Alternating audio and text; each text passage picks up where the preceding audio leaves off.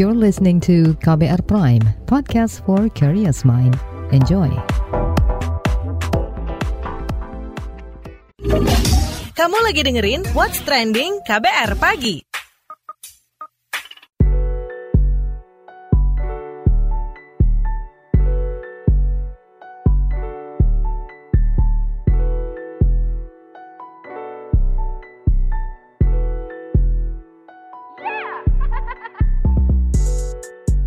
KBR Pagi, siaran pagi radio paling update. Selamat pagi, apa kabar Anda hari ini di hari Kamis 10 Februari 2022?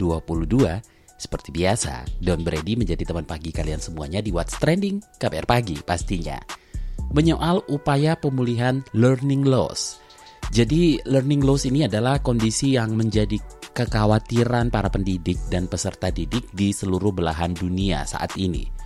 Learning loss mengacu pada kondisi peserta didik yang bisa kehilangan pengetahuan dan keterampilan atau kemunduran secara akademis yang terjadi akibat ketidakberlangsungannya proses pendidikan. Nah, dalam hal ini terganggunya proses pendidikan formal yang disebabkan karena pandemi COVID-19.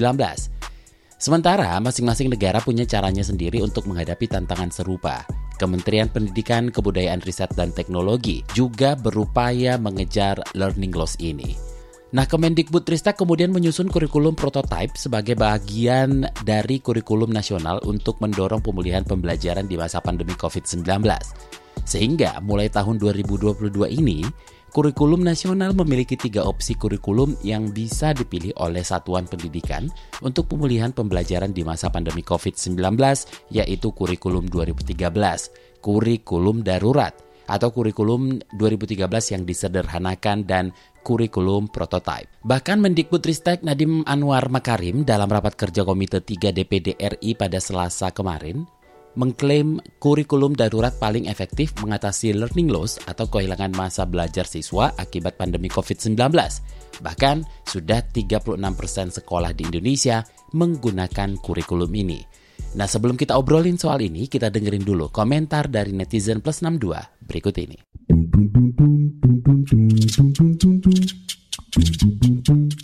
Kita ke komentar at always win. Bisa-bisanya besok PTM padahal ada yang kena COVID. Lalu komentar at WQNG Sheng. Aku harusnya minggu ini PTM malah di cancel karena yang gelombang 2 anak kelas sebelah ada yang COVID. Lalu komentar at Gracious. Aduh, kenapa dah banyak sekolah bandel yang maksain PTM, study tour, dan segala macamnya. Gak pada baca dan dengerkah kalau Omikron sama cek COVID lagi naik nih? Lalu komentar at Yon Chris B. Gak habis pikir gue sama sekolah yang begini utamakan PTM dengan alasan learning loss lebih berbahaya. Lanjut ke komentar at harvep underscore. Gue setuju PTM harus dilanjutkan atau learning loss makin besar jika PJJ kembali diperlakukan. Komentar at Imamur SQ, mungkin kurikulum prototype atau kurikulum darurat ini bisa jadi solusi dari ketertinggalan kita dalam hal pola pikir dan realistis. Dan terakhir komentar at kata underscore Atina, kenapa harus apresiasi PTM padahal COVID belum hengkang? Karena saat ini PTM masih jadi media yang lebih efektif dalam KBM dibanding PJJ. Dengan PJJ learning loss terbilang tinggi, salah satu sebabnya adalah akses siswa terhadap internet. What's Trending KBR Pagi kita lanjutkan obrolan kita pagi ini. Jadi Kementerian Pendidikan Kebudayaan Riset dan Teknologi memberikan tiga opsi kurikulum yang dapat diterapkan satuan pendidikan dalam pembelajaran, yaitu kurikulum 2013, kurikulum darurat, dan kurikulum prototipe di masa pandemi ini. Kurikulum darurat merupakan penyederhanaan dari kurikulum 2013, sedangkan kurikulum prototipe berbasis kompetensi yang mendukung pemulihan pembelajaran dengan menerapkan pembelajaran berbasis proyek. Untuk lebih jelasnya kita simak penjelasan Mendikbudristek Nadim Anwar Makarim dalam rapat kerja Komite 3 DPD RI Selasa kemarin. Tahu nggak bahwa 36% daripada sekolah kita sudah menggunakan kurikulum baru, bukan K13. Namanya kurikulum darurat. Kurikulum darurat itu adalah kurikulum K13 yang disederhanakan secara drastis. Dan tahu nggak, diam-diam itu organik. Sekolah memilih untuk melakukannya. Dan ternyata sudah 36% sekolah melakukan itu. Kenapa tiba-tiba laku berat? Kurikulum uh, darurat tersebut. Karena jauh lebih sedikit materinya dari yang melaksanakan kurikulum darurat, yaitu K13 yang disederhanakan, dibandingkan dengan yang melakukan K13. Learning loss-nya beda jauh. Jauh lebih sedikit learning loss terjadi bagi sekolah-sekolah yang pindah kepada kurikulum darurat, yaitu K13 yang disederhanakan. Jadi sudah hilang ini konsep bahwa semakin banyak materi semakin pintar anak, malah kebalikannya. Semakin kita rampingkan konten, semakin mendalam kemampuan numerasi, literasi, dan berpikir secara kritis. Itu sudah jelas. Debat itu sudah berlewat. Kurikulum yang kita tawarkan yang ketiga, yaitu kurikulum prototipe atau bisa dibilang nanti ke depannya kurikulum merdeka, sebentar lagi kita akan umumkan, itu adalah opsi ketiga. Itu sebenarnya adalah kurikulum darurat yang dilengkapkan dengan beberapa penyempurnaan lebih bagus. Jadi itu upgrade lagi, lebih baik lagi dengan berbagai macam hal yang mengikuti ke masa depan. Kita nggak akan memaksa sekolah untuk menggunakannya. Semua sekolah bebas memilih. Jadi sudah tidak ada lagi itu kekhawatiran ganti menteri, ganti kurikulum. Kedua, sama sekali tidak melanggar undang-undang karena undang-undang itu menyarankan satu standar nasional pendidikan. Dan standar nasional pendidikan kita adalah satu. Tidak ada yang menyebut bahwa harus satu kurikulum dalam nasional. Satu sistem pendidikan standar nasional, di bawahnya bisa ada permutasi beberapa kurikulum. Apakah di nanti di tahun 2024 kita akan memutuskan mana yang kurikulum nasional? Bisa saja. Tapi selama 2-3 tahun lagi kita sudah melihat datanya, kita tidak akan memaksakan ini selama ini karena kita merasa sekolah-sekolah akan mengerti mana yang lebih baik untuk mereka, mana yang sudah siap berubah. Dari situlah kehilangan semua ketakutan dan kekhawatiran sekolah dan kepala sekolah hilang. Sekarang sekolah dengan semangat kalau mereka ingin melaksanakan kurikulum baru, mereka bisa seperti kurikulum darurat. Jadi sudah tidak ada lagi nih khawatiran-khawatiran. Terus terang, tolong bicara sama kepala sekolah yang dengan senang hati mereka secara voluntary merubahnya. Sementara itu kepada KBR, pengamat pendidikan Doni Kusuma memberikan beberapa catatan terkait kurikulum darurat dan kurikulum prototype. Berikut catatannya. Yang darurat sebenarnya kan sudah berjalan ya, tinggal butuh pendampingan-pendampingan lebih lanjut saja dievaluasi kurikulum daruratnya itu mereka ada kesulitan tidak, bagaimana itu harus ada evaluasi dari pemerintah, harus ada pendampingan. Nah kalau kurikulum prototype ini kan kurikulum yang masih diuji cobakan di sekolah-sekolah penggerak. Maka harusnya ada uji publik, ada naskah akademiknya gitu. Sampai sekarang ini paling tidak ya saya belum pernah itu melihat itu atau tahu gimana sih kurikulum uh, prototipe itu naskah akademiknya. Misalkan katakanlah bukan naskah akademik tapi kajiannya. Kajiannya berdasarkan kelemahan K13 lalu mereka mau memperbaiki yang mana itu tidak ada. Tiba-tiba mereka langsung membuat semacam kurikulum yang tentunya di dalam PowerPoint yang dipaparkan yang terakhir di Komisi 10 kan DPR. Nah, publik akademisi seperti saya kalau hanya lihat PPT gitu nggak paham gitu kurikulum itu dan kita nggak bisa menilai ini efektif atau tidak gitu. Wong kurikulum ini kan baru diuji cobakan di sekolah-sekolah gitu ya. Dan uji coba itu kan berarti ada prosesnya, ada pendampingan, pelatihan, dan lain-lain. Kalau tiba-tiba itu belum ada hasilnya, belum dievaluasi, lalu diterapkan secara nasional kan itu bisa bubrah gitu. Dicoba itu kan harusnya dicoba dulu, dicek bagus nggak, ada kelemahan nggak. Kalau setelah ada kelemahan, diperbaiki lagi, diuji coba lagi gitu. Ini kan nggak. Kurikulum prototipe itu seolah-olah itu yang paling baik, diklaim kementerian sebagai yang terbaik itu oleh timnya, lalu kemudian itu mau ditawarkan semuanya. Padahal Nggak bisa seperti itu. Padahal sekolah penggerak itu mereka pelatihannya itu guru-guru penggeraknya aja dilatih 9 bulan loh. Dan itu inside sama onsite, off on gitu. Jadi ada yang latihan di hotel, kemudian uh, latihan di sekolah gitu. Dan proses pelatihan itu 9 bulan pendampingannya. Dan untuk mendampingi itu ada tenaga ahli-tenaga ahli, lalu kemudian instruktur-instruktur yang dilibatkan untuk melatih mereka. Biayanya nggak kecil loh itu. Kalau itu mau diterapkan semuanya, emangnya pemerintah punya duit? Atau pemerintah hanya mau mendelivery kurikulum prototipe? Silahkan lakukan lakukan tanpa pendampingan. Kok enak sekali gitu. Kan nggak bisa seperti itu dong. Kurikulum prototipe diterapkan di sekolah penggerak karena ada pelatihan pelatihan terstruktur selama 9 bulan. Materinya itu macam-macam gitu ya. Tetapi kalau sekolah lain mau menerapkan itu emang ada pendampingan yang sama? Kalau tidak ada pendampingan yang sama lalu mengharapkan hasil yang sama itu kan sesuatu yang nggak masuk akal menurut saya dan tidak adil juga karena hanya sekolah-sekolah penggerak saja nanti yang maju. Yang lain dibiarkan, kamu mau ngikut silahkan. Kalau kamu siap ya lakukan, kalau enggak ya enggak usah lakukan. Itu nggak bisa seperti itu. Tugas kementerian adalah mengeksekusi kebijakan gitu. Kalau misalkan sudah uji coba satu tahun, ternyata bagus diterapkan dengan proses langkah-langkah pendampingan mekanisme seperti ini, langsung diterapkan semuanya gitu. Tapi kalau memang ternyata nggak bisa langsung diterapkan semua, mereka harus mengevaluasi itu prototipe. Kenapa dia nggak bisa diterapkan semuanya? What's Trending KBR Pagi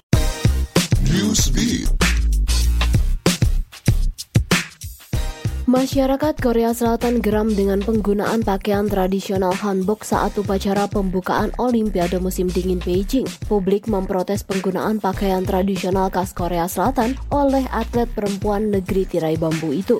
Anggota partai yang berkuasa di Korsel, Lee Soyong Bun, menyayangkan penggunaan pakaian yang mirip hanbok berwarna merah muda dan putih itu. Menurutnya, masalah ini menimbulkan sentimen bagi warga Korea pada Tiongkok dan berpotensi menimbulkan persoalan diplomasi ke depannya. Pemerintah Jepang akan mempertimbangkan pemberian persetujuan awal untuk pil COVID-19 yang sedang dikembangkan Shionogi and Company Limited. Saat rapat komite parlemen hari ini, Perdana Menteri Jepang Fumio Kishida mengatakan peninjauan akan dilakukan setelah keamanan dan efikasi obat tersebut dikonfirmasi oleh uji klinis. Sebelumnya, surat kabar Mainichi melansir bahwa Jepang sedang mempertimbangkan izin pemasaran tablet oral antivirus Sionogi mulai awal musim semi ini setelah otoritas setempat mengeluarkan izin khusus kepada perusahaan farmasi tersebut untuk menjalankan tahap akhir uji klinis. Sementara itu, pada 17 Januari lalu, Sionogi and Company Limited menyatakan pihaknya telah memulai uji coba tahap 3 calon vaksin COVID-19 S268019 dan akan membandingkan hasilnya dengan vaksin yang telah disetujui otoritas. Pemimpin besar umat Katolik Paus Franciscus menegaskan membuang plastik di laut dan saluran air adalah tindakan kriminal. Berbicara di sebuah wawancara televisi kemarin, Paus juga meminta tindakan membuang plastik itu harus diakhiri jika umat manusia ingin menyelamatkan planet ini untuk generasi mendatang. Isu pelestarian lingkungan menjadi landasan kepausan dari Paus Franciscus. Selain pelestarian lingkungan, Paus Franciscus juga mengutuk pengeluaran berlebihan untuk senjata, membela hak-hak migran, serta mengecam kelakuan ideologis oleh kaum konservatif di gereja.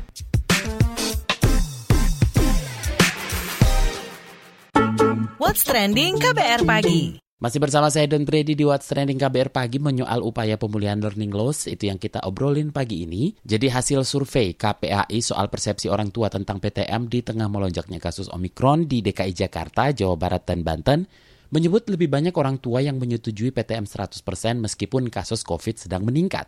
Alasannya adalah mengkhawatirkan learning loss pada anak-anak mereka. Meski begitu, Komisioner Komisi Perlindungan Anak Indonesia, Retno Listiarti berharap pemerintah tak mengabaikan suara orang tua yang meminta pembelajaran jarak jauh karena khawatir dengan ancaman COVID-19.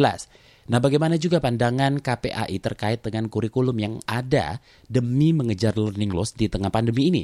Langsung saja kita ngobrol bareng Komisioner KPAI Retno Listiarti. Bu Retno, kemarin ada survei mayoritas orang tua minta lanjut PTM nih. Apakah kekhawatiran learning loss jadi dasar pertimbangan orang tua? Iya, alasannya memang 50% yang setuju PTM 100% itu adalah yang memilih bahwa mereka menganggap PJJ tidak efektif Kemudian ancaman learning loss. Emang itu angka yang learning loss itu sampai 50% ya bagi mereka yang setuju PTM. Kemendikbud Ristek yakini kurikulum darurat mampu atasi learning loss. Pandangan Anda cukupkah ini menjawab kekhawatiran? Bahwa itu bisa mengatasi atau tidak ya tentu KPAI tidak masuk ke sana ya. Kami tidak bisa memahami substansi kan. Tetapi bahwa PTM itu kenapa disetujui di tengah lonjakan kasus COVID ya karena orang tua sudah merasa bahwa PJJ itu nggak efektif gitu. Mereka juga nggak bisa ngedampingin gitu ya, sehingga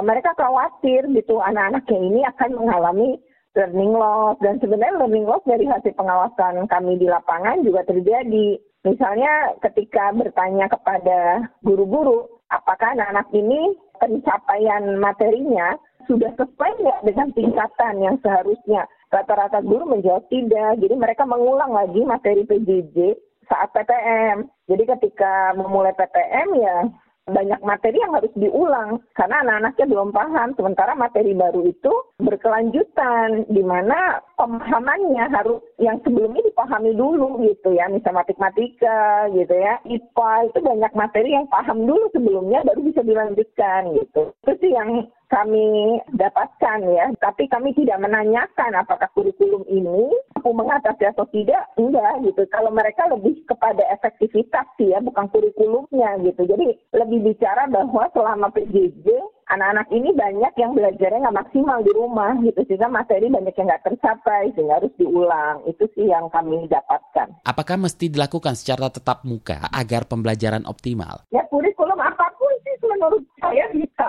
aja ya. Kan ini soal metode ya, teknis aja kan mau disampaikan secara PJJ atau disampaikan secara langsung lewat PTM gitu. Apakah itu bisa dilaksanakan ketika PJJ berlangsung? Sekali lagi bergantung kepada guru maupun muridnya ya. Kalau kami sih menilai kan masalahnya bukan pada bukan pada kurikulumnya, tapi bagaimana materi-materi yang mungkin kurikulum daruratnya membantu. Misalnya materinya jadi nggak berat dan nggak banyak. Karena kan waktu belajar di PJJ tidak banyak ya, lebih sempit. Kemudian yang kedua, tidak efektif mungkin atau tidak maksimal gitu. Nah, tapi kalau kurikulum ini ya jelas membantu. Membantunya adalah karena kan itu esensial, yang inti-inti aja. Kan berarti nggak perlu belajar terlalu banyak. Ya, jadi ada materi-materi pokoknya aja. Kalau menurut kami ya membantu gitu. Oke, rekomendasi ke pihak sekolah untuk mementingkan pembelajaran dan keselamatan sama pentingnya. Ya, sebenarnya sih kalau hak konstitusi hak anak, yang utama sih hak hidup dan hak sehat ya. Jadi artinya pendidikan tuh bisa nomor ketiga gitu setelah hak hidup, setelah hak sehat. Tetap sehat, tetap hidup, dia tetap bisa ngejar segala ketertinggalan gitu. Tapi ketika udah masuk, anaknya sakit, ternyata tertular, ternyata tidak tertolong atau meninggal, kan nggak ada gunanya juga gitu. Tinggal kepentingan terbaik bagi anak aja. Jadi kita melihatnya bahwa nah yang utama. Kalau yang utama itu adalah hak hidup dengan hak sehat, pertimbangkan apakah PTM di tengah melonjaknya kasus ini aman nggak buat anak-anak mengancam hak hidup kita gitu. Itu sih yang kalau kami melihatnya sih seperti itu. Terima kasih Komisioner KPAI Retno Listiarti. What's trending KBR pagi? Commercial break. Commercial break. Aduh, gue sedih banget ya rasanya. Nggak tahu kenapa. Kayak sedih banget gitu. Emang lo ngerasanya gimana? Ya pikiran gue tuh kayak nggak karuan aja gitu ke sana kemari. Terus pas lagi sedihnya tuh dapetnya yang bener-bener sedih banget. Itu udah dua hari begini terus. Oke, kita coba tanya Mbak Google ya. Apa ya kata kuncinya? Oh, coba gini deh. Ciri-ciri orang depresi. Gitu kali ya. Wah, nemu nih. Ciri-cirinya sama banget kayak lo nih. Jadi, katanya nih, kalau lo sedih dua hari itu, Disko, diskusi psikologi. Halo Warriors, gue Kevin di podcast Disko, diskusi psikologi persembahan Into the Light Indonesia. Hapus stigma, peduli sesama, sayangi jiwa. Kalian nggak boleh loh diagnosa sendiri. Yang harus kalian lakuin adalah konsultasi ke psikolog atau ke psikiater. Kalau misalnya kalian ingin tahu tentang kesehatan mental langsung dari pakarnya, yuk dengerin podcast Disko, diskusi psikologi di kbrprime.id. KBR Prime, podcast for curious mind.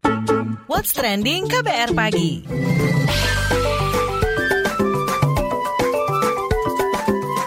WhatsApp Indonesia. WhatsApp Indonesia kita mulai dari Jakarta. Kementerian Perhubungan menetapkan empat bandara sebagai pintu masuk pelaku perjalanan internasional dengan tujuan wisata ke tanah air. Juru bicara Kemenhub Adita Irawati menyebut keempat bandara itu yakni Soekarno-Hatta Tangerang Banten, Igusti Ngurah Rai Bali, Hang Nadim Batam, dan Bandar Raja Haji Fisabilillah di Tanjung Pinang. Kata dia keempat pintu masuk itu akan diawasi ketat, mulai dari kepatuhan prokes, syarat vaksinasi hingga wajib tes PCR. Juru bicara Kemenhub Adita Irawati menambahkan, operator bandara dan maskapai penerbangan juga dapat menjadikan surat edaran Kemenhub sebagai rujukan dan pedoman mengendalikan penyebaran COVID-19. Selanjutnya menuju Balikpapan, Kalimantan Timur. Wali Kota Balikpapan Rahmat Mas'ud mengeluarkan instruksi dan melarang kunjungan kerja ke Jawa Bali bagi seluruh pegawai di lingkungan pemerintah kota. Rahmat Mas'ud mengungkapkan sekitar 50% angka kasus COVID-19 di Balikpapan merupakan pelaku perjalanan dari Jawa Bali. Mencegah masifnya penularan di kota Balikpapan, Rahmat juga membatalkan sejumlah agenda peringatan HUT ke 125 kota Balikpapan. Kata dia, pawai budaya, karnaval, hiburan rakyat, dan tablik akbar dibatalkan dan diganti acara sederhana. Rahmat Mas'un menambahkan beberapa pengajuan izin kegiatan di masyarakat juga telah ditinjau kembali dan diminta ditunda akibat melonjaknya kasus COVID-19. Terakhir kita mampir ke Malang, Jawa Timur. Polres Kota Malang akhirnya memanggil wisatawan yang videonya sempat viral saat mengunjungi tempat wisata dalam keadaan positif COVID-19. Mengutip CNN, juru bicara Polres Tamalang Kota, Eko Novianto mengatakan penyelidikan dan pemantauan digital dilakukan pihak kepolisian usai identitas sang pelaku dikantongi. Sementara itu, toko dan lokasi yang dikunjungi wisatawan tersebut sudah ditutup oleh Satpol PP setempat. Sebelumnya seorang wisatawan mengaku akan pergi ke Bali melalui pelabuhan Ketapang Banyuwangi, Jawa Timur. Namun karena dirinya positif COVID-19, rencana tersebut batal. Lantas, ia mengubah agendanya dan mengunjungi sejumlah destinasi wisata di Jawa Timur, salah satunya Kota Malang. Kini kepolisian mengaku tengah mengevaluasi penerapan peduli lindungi dan pengawasan protokol kesehatan di tempat-tempat wisata. Demikian WhatsApp Indonesia hari ini.